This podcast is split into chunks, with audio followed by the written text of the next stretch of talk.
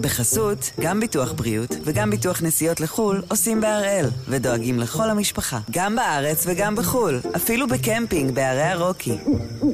כן, גם שם, כפוף לתנאי הפוליסה וסייגיה ולהנחיות החיתום של החברה. היום יום חמישי, 25 באוגוסט, ואנחנו אחד ביום, מבית N12.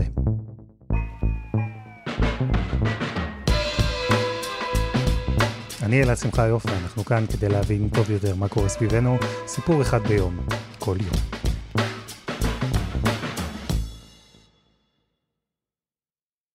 באחוזת זקרובו, קצת מחוץ למוסקבה, נערך פסטיבל המסורת.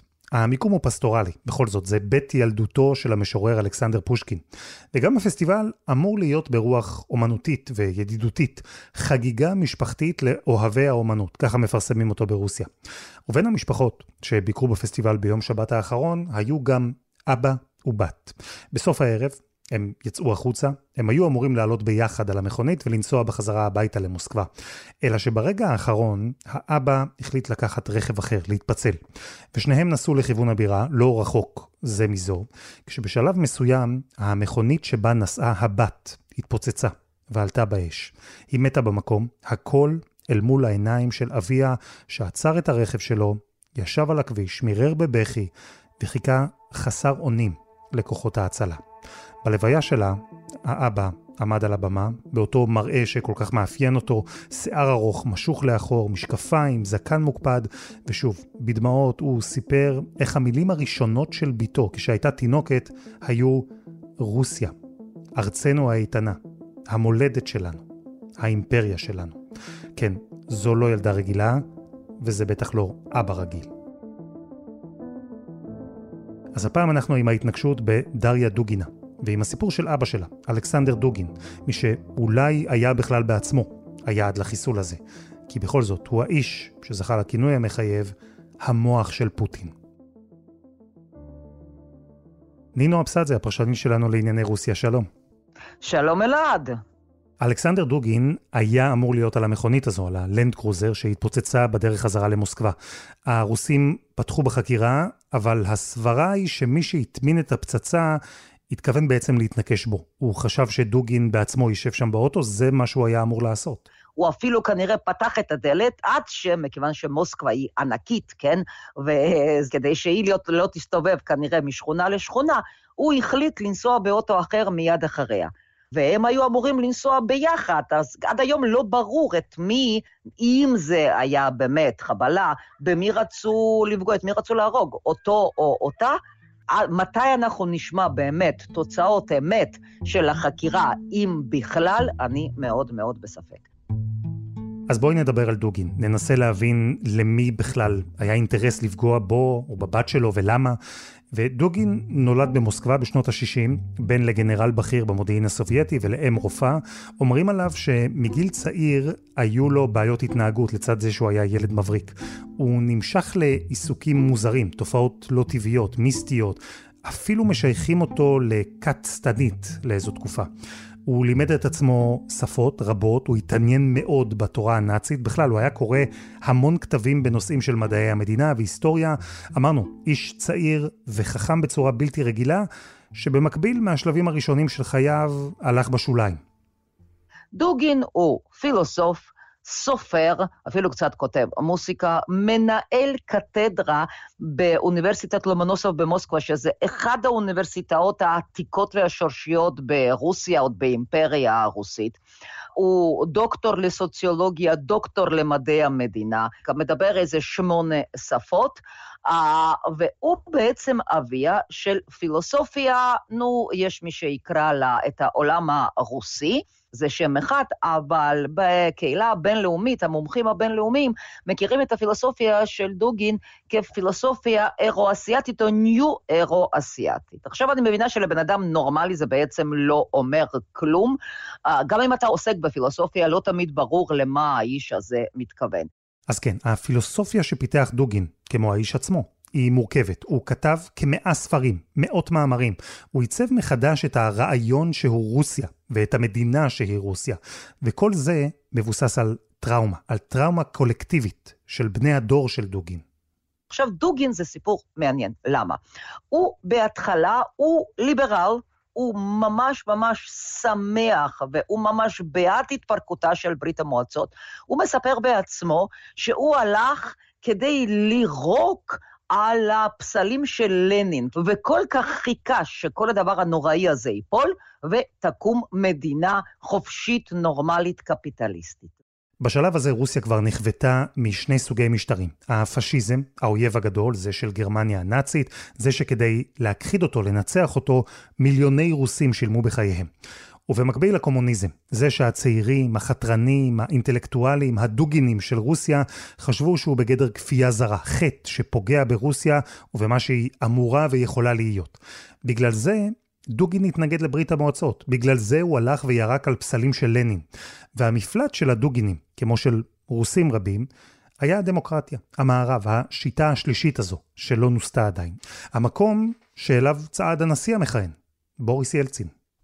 ואז, בתקופה של ילצין, מה רואה העם הרוסי ומה מגבש דוגין, שבסוף הוא קורא לפילוסופיה שלו פילוסופיה אירו-אסיאתית. הוא אומר שניסיונה של רוסיה להתקרב ולהיות חלק מהמערב הקולקטיבי.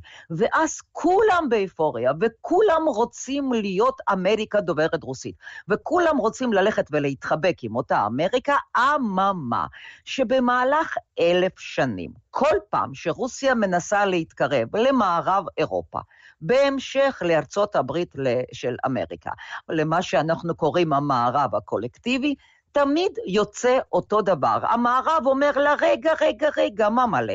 עצרי רגע, את עדיין לא כמונו. קודם תהפכי להיות כמונו בדיוק, תאמצי את הערכים שלנו, כל מה שקשור לזכויות האדם, זכויות האישה, חופש הביטוי, אפליה מתקנת, זכויות המיעוטים, זכויות קהילה הגאה, כמובן, ואחרי זה נתחיל לדבר איתך על הדברים הרציניים. ורוסיה אלף שנה אומרת לאותו המערב הקולקטיבי, הלו חבר'ה, אני חלק מהציוויליזציה האירופאית, אם אתם אוהבים או לא אוהבים את זה, אבל אני לא מתכוונת להיות כמוכם, ואני לא אתנהג כמוכם, אל תחנכו אותי, בואו תיקחו אותי כפרטנרית לכל דבר. זו אילת טראומה שפעם אחר פעם, ורק במאה השנים האחרונות הם חוו אותה כמה פעמים, מכאן קמה פילוסופיה של דוגין, שמה אני אגיד לך, לצערי הרב, יש לה לא מעט מקום בחברה הרוסית. וזו הטראומה הקולקטיבית שחוו הרוסים. קריסתה של הדרך השלישית, הדרך שרוסים רבים ראו בה אז כמפלט, כתיקון לשתי הדרכים הקודמות.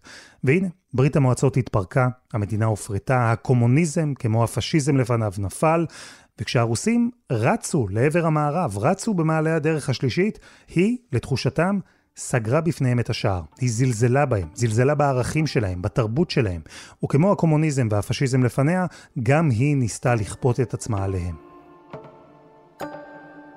ובאווירה הזו, אלכסנדר דוגין, ההוא שירק על הפסלים של לנין, שרק חיכה להתפרקות של ברית המועצות, הוא פתאום חש אבוד. האכזבה מהמערב הובילה אותו למסע, לחיפוש.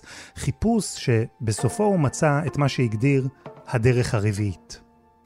הוא אומר שאנחנו צריכים ללכת צעד אחד הלאה, כי למעשה ניסינו את הכל.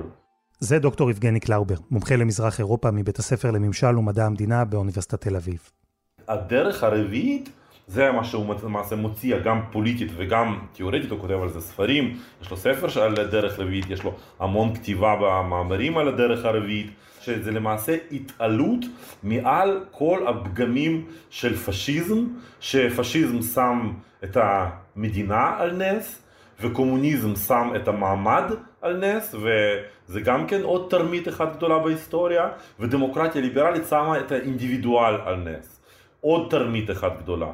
תראו, גם אם ממש ננסה, אנחנו הרי לא נצליח לסכם את עשרות הספרים ואת תיאוריית הדרך הרביעית של דוגין כאן במשפט וחצי. אבל בכל זאת, ננסה לפשט. אני אסביר לך באמצעות של דוגמה של דוגין עצמו. עכשיו, כשאנחנו מדברים על נהר, אז שלושת האידיאולוגיות הגדולות, פשיזם, ליברליזם וקומוניזם, הם כאילו דיברו על הקצב של הזרם בתוך הנהר. הפרוגרסיבים, דמוקרטיה ליברלית, רצו את זה מהר, הפשיסטים רצו לקחת את זה אחורה, קומוניסטים גם אמרו, אנחנו נדלג שלבים, בואו נריץ את הנער כמה שלבים בהיסטוריה ונגיע לקומוניזם. ומה שהוא אומר, כשבנאי בונה את הגשר שלו, כיוון הנער בכלל משתנה, זאת אומרת אנחנו מקבלים משהו רביעי. לא ויכוח על קצב, על מהירות ההתקדמות בתוך הנער, אלא קבלה של כיוון חדש להיסטוריה. לא עם הזרם, לא נגד הזרם, אלא מעל הזרם. לשטוף את הרע שבשלוש הדרכים הקודמות ולקחת את הטוב. שוב, זה קצת כללי, זה קצת מורכב, ובמהלך השנים כן, היו חוקרים שאתגרו את דוגין, הצביעו על חורים בתיאוריה שלו, כי בכל זאת היא תיאוריה גדולה ומגוונת, היא מדברת גם על ערכים וגם על דת ומדינה. הוא התבסס לא מעט אגב על הפילוסוף הגרמני, היידיגר, שהיה הוגה חשוב וידוע, אבל גם תומך נלהב של המפלגה הנאצית. ואת כל המרכיבים השונים האלה, דוגין שילב לרעיון אחד. רעיון שבו רוסיה היא יותר ממדינה, היא אימפריה, היא ישות. יצור חי, אורגני, מתפשט, נושם. כל האומות הן למעשה אבני בניין של האנושות, בשעה שמדינות לאום זה למעשה תרמיות, זה סוג של משהו מלאכותי מעל המסגרות האלה. זאת אומרת, זה מסגרות שיעלמו עם הזמן.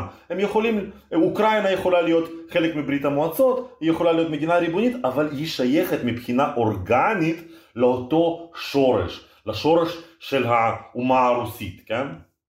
ומה זה אומר בעצם? אם רוסיה של דוגין היא יצור חי, אימפריה חיה ונושמת, מה זה אומר לגביה? זה אומר שהיא לא יכולה לא להתפשט מבחינה טריטוריאלית. זה אומר שאם היא מתפשטת וזה שווה, ושואלים אותו מיד, אבל זה שווה דם, זה נשפך דם, רוסיה שופכת דם, אז התגובה שלו הייתה, הנה אני מתרגם וזה ציטוט,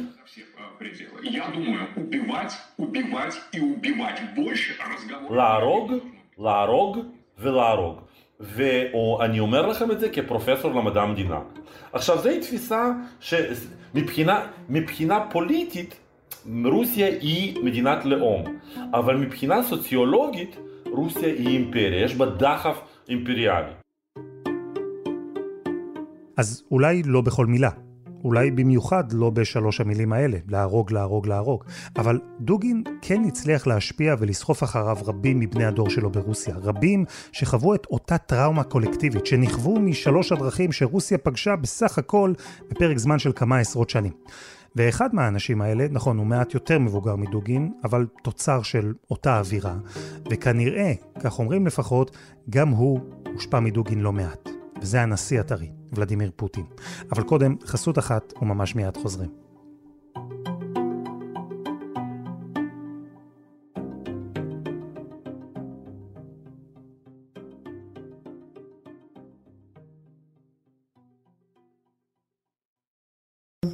בחסות, גם ביטוח בריאות וגם ביטוח נסיעות לחו"ל עושים בהראל, ודואגים לכל המשפחה, גם בארץ וגם בחו"ל, אפילו בקמפינג בערי הרוקי. כן, גם שם, כפוף לתנאי הפוליסה וסייגיה ולהנחיות החיתום של החברה.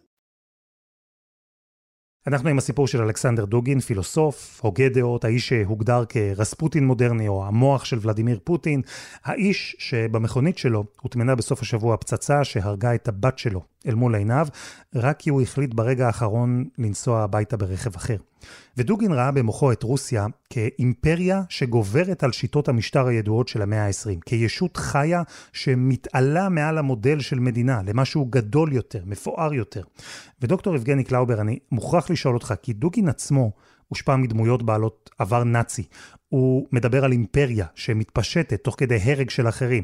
הוא מדבר על ערכים מובחרים. זה נשמע לי שלמרות שהוא מנסה לברוח מהפשיזם, הוא משתמש לא מעט באותו היגיון. עלית פה על הנקודה הנכונה, כי, כולה, כי אם אנחנו מסתכלים על הביקורות של דוגין, כולם אומרים שדרך הרביעית זה פשוט אותו פשיזם, פשוט בשינוי אדרת מה שנקרא. כי זה פשוט מה שהוא מציע בדרך הרביעית, מבחינת הפרקטיקה הפוליטית, זה בדיוק אותו פשיזם ישן שאותו הכרנו. זה חשיבות של מנהיג, והוא מקדש, הוא חושב שבכלל, באחד הטקסטים שלו הוא כותב על פוטין שהוא בכלל נשלח על ידי אלוהים, זה שלטון שהוא קדוש. פוטין. אין ספק שפוטין הושפע במשהו מהפילוסופיה של דוגין, מהתפיסה שלו את רוסיה כאימפריה חיה שחייבת להתפשט, שזה ב-DNA שלה. לא ברור אגב עד כמה. פוטין הושפע? מה בכלל היה טיב הקשר ביניהם, אם היה? דוגין קיבל תפקיד בכיר באוניברסיטת מוסקבה היוקרתית, היו לו קשרים פוליטיים, היה לו איזשהו תפקיד זוטר בקרמלין. אבל עד עכשיו לא ממש ברור אם הייתה מערכת יחסים אישית בינו לבין הנשיא. שניהם בני אותו דור, שניהם דיברו, לפחות בתקופה מסוימת, בקול דומה.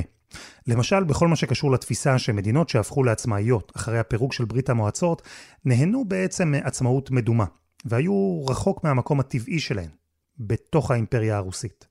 קזחסטן, אוקראינה, ארמניה, זה בטוח חייב להיות חלק מהאימפריה הרוסית. אומר, הריבונות של המדינות החדשות האלה הייתה על הרצפה. מה זה אומר ריבונות על הרצפה? שהם כאילו לא עבדו קשה מדי, הם כאילו רק הרימו אותה מהרצפה. הם לא נלחמו בשבילה.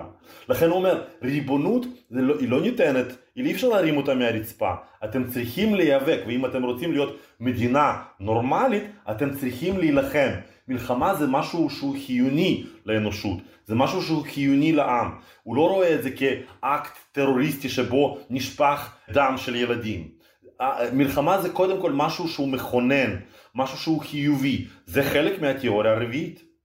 אז דוגין דיבר על כמה מדינות, אבל הוא התמקד לא פעם באוקראינה. אפשר אפילו להגיד שהוא פיתח סוג של אובססיה לאוקראינה, לחשיבות שלה, כחלק בתוך האימפריה הרוסית.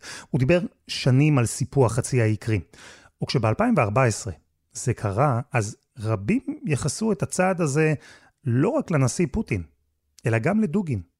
שנת 2014 המגזין פורן פוליסי מכניס אותו למאה הפילוסופים הכי חשובים שעיצבו את המחשבה הפוליטית המודרנית. וזה מקום מאוד מאוד חשוב. כן, זה אומר שמערב קיבל אותו ומערב הבין את דוגין. ספריו מתורגמים לאנגלית. אבל ב-2014 דוגין רוצה יותר. הוא שבר הרבה יותר ימינה. לא סתם בכל הערוצים של הפרופוגנדה הרוסית אתה לא תראה אותו, הוא לא מופיע. בעשור האחרון הוא ממש גם התרחק מפוטין. אולי זה מקרה של אה, עם האוכל בא התיאבון, אולי שיכרון כוח, אולי רצון לתשומת לב וכסף, אולי אידיאולוגיה, אולי הכל ביחד. ב-2014 דוגין השתנה, הוא הקצין. הוא פוטר בשלב הזה מהתפקיד שלו באוניברסיטת מוסקבה, בקרמלין ניתקו ממנו קשר, וגם במערב. אז ב-2014 הוא כבר מוכנס לסנקציות המערביות על זה שהוא קורא לסיפוח של קרים וכמובן כניסתה של רוסיה לאותן רפובליקות בדלניות על זה הכל הוא כמובן מוטלות עליו סנקציות מערביות. וכשהוא הפך למנודה, הלכו הטקסטים של דוגין והקצינו יותר. הוא קרא למשל להחדת הזהות האוקראינית, לרצח של אזרחים. דוגין דיבר המון בשלב הזה נגד גלובליזציה. הוא הגדיר אותה כלי שבו האמריקנים משתמשים כדי לכפות את הערכים שלהם, את אורח החיים שלהם. והוא מצא לו שותפים לדרך, הוא ביקר באיראן, לא פעם, הוא יצר קשרים גם בסין. הוא הפך למרואיין פופולרי אצל חובבי תיאוריות קונספירציה ופעילי ימין קיצוני בארצות הברית, וכשדונלד טראמפ נבחר לנשיא, הוא אמר שמדובר ביום השמח ביותר בחיים שלו. זה דוגין. וזה אולי היה נכון. עד היום שבו רוסיה פלשה לאוקראינה, היום שבו דוגין קיווה שהנה, החזון הישן שלו הולך להתגשם. אבל נינו, בשלב הזה, דוגין הוא כבר לא המוח של פוטין, אני לא יודע אם הוא אי פעם היה, אבל בשלב הזה כבר יש נתק מוחלט. פוטין הלך בעצם למלחמה הזו באוקראינה בלי קשר לאיך שדוגין רואה את הדברים. אתה יודע מה, אלעד, ברוסיה יש לך one man show כבר יותר מ-22 שנה, כן? ורק one man מחליט שם הכל. באידיאולוגים כמו דוגין לא מקשיבים כדי לקבל החלטות. אלא הממשל הרוסי משתמש בהם, לא בכוח, הם מאמינים בזה בעצמם, משתמשים באנשים עם אידיאולוגיה כזאת, כדי שהם יצאו ויפיצו אותה כמה שיותר ברחבי הרוסיה, ובזה הם כן יש להם חשיבות, אבל אני חוזרת, זה one man show. זהו, ה-one man show של פוטין התחיל בדיוק כמו שדוגין רצה, אבל הוא לא המשיך ככה. הרוסים נתקעו באוקראינה, זה כבר ברור. מה שהתחיל כמערכה צבאית שאמרו שתימשך שלושה ימים, נמשכת כבר חצי שנה. ומהסביבה של דוגין, ההתלהבות הגדולה הפכה פתאום לאכזבה. אכזבה מפוטין, ואפילו ביקורת עליו. כן, על זה שהוא לא מספיק פשיסט. אני אפילו אגיד לך יותר מזה, מישהו ששייך לאסכולה של, של דוגין, כלומר ימינה מפוטין, שם אחר שזה גירקין. אז גירקין הוא בא מימין, ולפני כמה ימים הוא אמר צריך לתלות את פוטין, או יותר נכון, לירות בפוטין ובכל הממשלה. על, בגלל שהם לא מתקדמים מספיק באוקראינה, ופוטין כמובן לא יכול להעביר את זה על סדר היום. כי על זה אומרים אנשים משלו, כלומר מהמחנה האימפריאליסטי, אלה שאמורים לעזור לו לבנות אימפריה. ואז בסוף השבוע האחרון, אלכסנדר דוגין ביקר בפסטיבל מסורת, באחוזה שבה גדל המשורר פושקין. ואחרי שברגע האחרון הוא החליט לקחת רכב אחר, הוא ראה מול העיניים שלו את הבת שלו, מאבדת את חייה בהתנגשות מחרידה. הבת שבעצמה הייתה דמות ציבורית, התבטאה באופן נחרץ בנושאים פוליטיים, תמכה באופן מלא באג'נדה ובפילוסופיה שהתווה אבא שלה. אגב, יש כאלה ברוסיה שיגידו שהוא ניסה, לא בטוחה שזה נכון, אבל אני, מה שאני רואה אחרי הרצח, שחושבים שדוגין ניסה לגדל את מרין לפן של רוסיה. האם מדריה דוגיה, דוגינה הייתה יוצאת מרין לפן? כמובן שאנחנו כבר לא נדע, והלוואי כל זה היה לא קורה, אבל אכן היא תמכה מאוד מאוד באידיאולוגיה של אבא שלה, וכל זה לא היה צריך להתאמץ הרבה, זה כבר שם. בוא נגיד שאם אני מנסה לקחת את הדעה של, של הרוב החושב ברוסיה, אומרים, היא הייתה פשוט uh, יחצנית ופרופגנדיסטית טובה ועוזרת טובה של אבא שלה. ודי מהר, זה קרה בערך במקביל לזה שרוסיה הודיעה שהיא פותחת בחקירה. כבר אז שירותי הביטחון הרוסים מצאו את האשמים, או ליתר דיוק את האשמה. ניקולה וובק, הרוסים פרסמו תמונות וסרטונים שלה. הם הסבירו שהיא מתנקשת אוקראינית, שהגיעה למוסקבה ביולי עם הבת שלה, בת 12, היא שכרה דירה באותו בניין שבו גרה דריה דוגינה, היא שכרה מכונית, ובמשך חודש עקבה אחרי דוגינה, תוך שהיא מחליפה שלוש שלוחיות רישוי בזמן הזה. ואחרי ההתנגשות, ככה לפחות הרוסים אומרים, וובק והבת שלה נמלטו מרוסיה, לאסטוניה. למרות שכמובן זה שאלת השאלות, וזה ש-FSB, שירות הביטחון הפדרלי של רוסיה, כבר הודיעו שזה שירותי הביטחון האוקראינים רצחו את דריה דוגינה, זה כמובן עוד לא קיבלנו שום הוכחה רצינית, ואני די בספק שנקבל. אוקראינים מכחישים מילא. אוקראינים, חלק מהם טוענים שהרוסים עצמם רצחו את דריה דוגינה. כדי להראות מה מסוגלים לעשות הטרוריסטים האוקראינים, כן? או אותו משטר הנאצי או ניאו-נאצי כפי שהם קוראים. אף אחד מהצדדים לא נותן, ולפי דעתי עוד הרבה זמן לא ייתן לנו שום הוכחה, כי הוכחות שנתנו רוסים שיפרסמו ככה קצת חלקית, זה לאף אחד בעולם לא נראה רציני. אז כן, יש עוד תיאוריה, שהקרמלין, ששם רצו להתנקש בדוגין בגלל הביקורת הזו מסביבתו על פוטין ועל המלחמה. בדרך הזו, הקרמלין יכל גם להאשים את האוקראינים ולקבל תמיכה מחודשת במלחמה. זו תיאוריה, גם אותה אין כמובן כל דרך להוכיח. וכך, כשכל צד מאשים את הצד השני. בטקס הלוויה שנערך השבוע לדריה דוגינה, עלה אבי על הבמה. עם המראה האופייני שלו, השיער הארוך המשוך לאחור, עם משקפיים, זקן מוקפד, ושם הוא מירר בבכי. וסיפר על הבת שלו, שהמילים הראשונות שלה בתור תינוקת היו רוסיה, האימפריה שלנו. הוא אמר שהוא לא רוצה נקמה uh, זולה, uh, זה מתחת לכבוד של רוסיה, אין משהו, אני מצטטת עכשיו בערך, הוא אומר שהדבר הכי אמיתי יהיה הניצחון שלנו.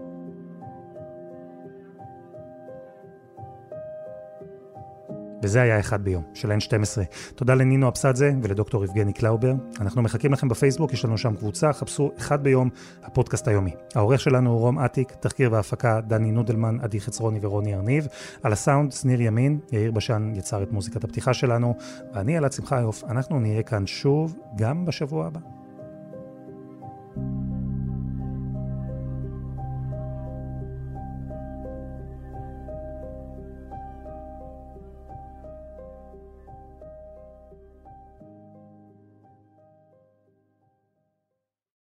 בחסות, גם ביטוח בריאות וגם ביטוח נסיעות לחו"ל עושים בהראל, ודואגים לכל המשפחה, גם בארץ וגם בחו"ל, אפילו בקמפינג בערי הרוקי.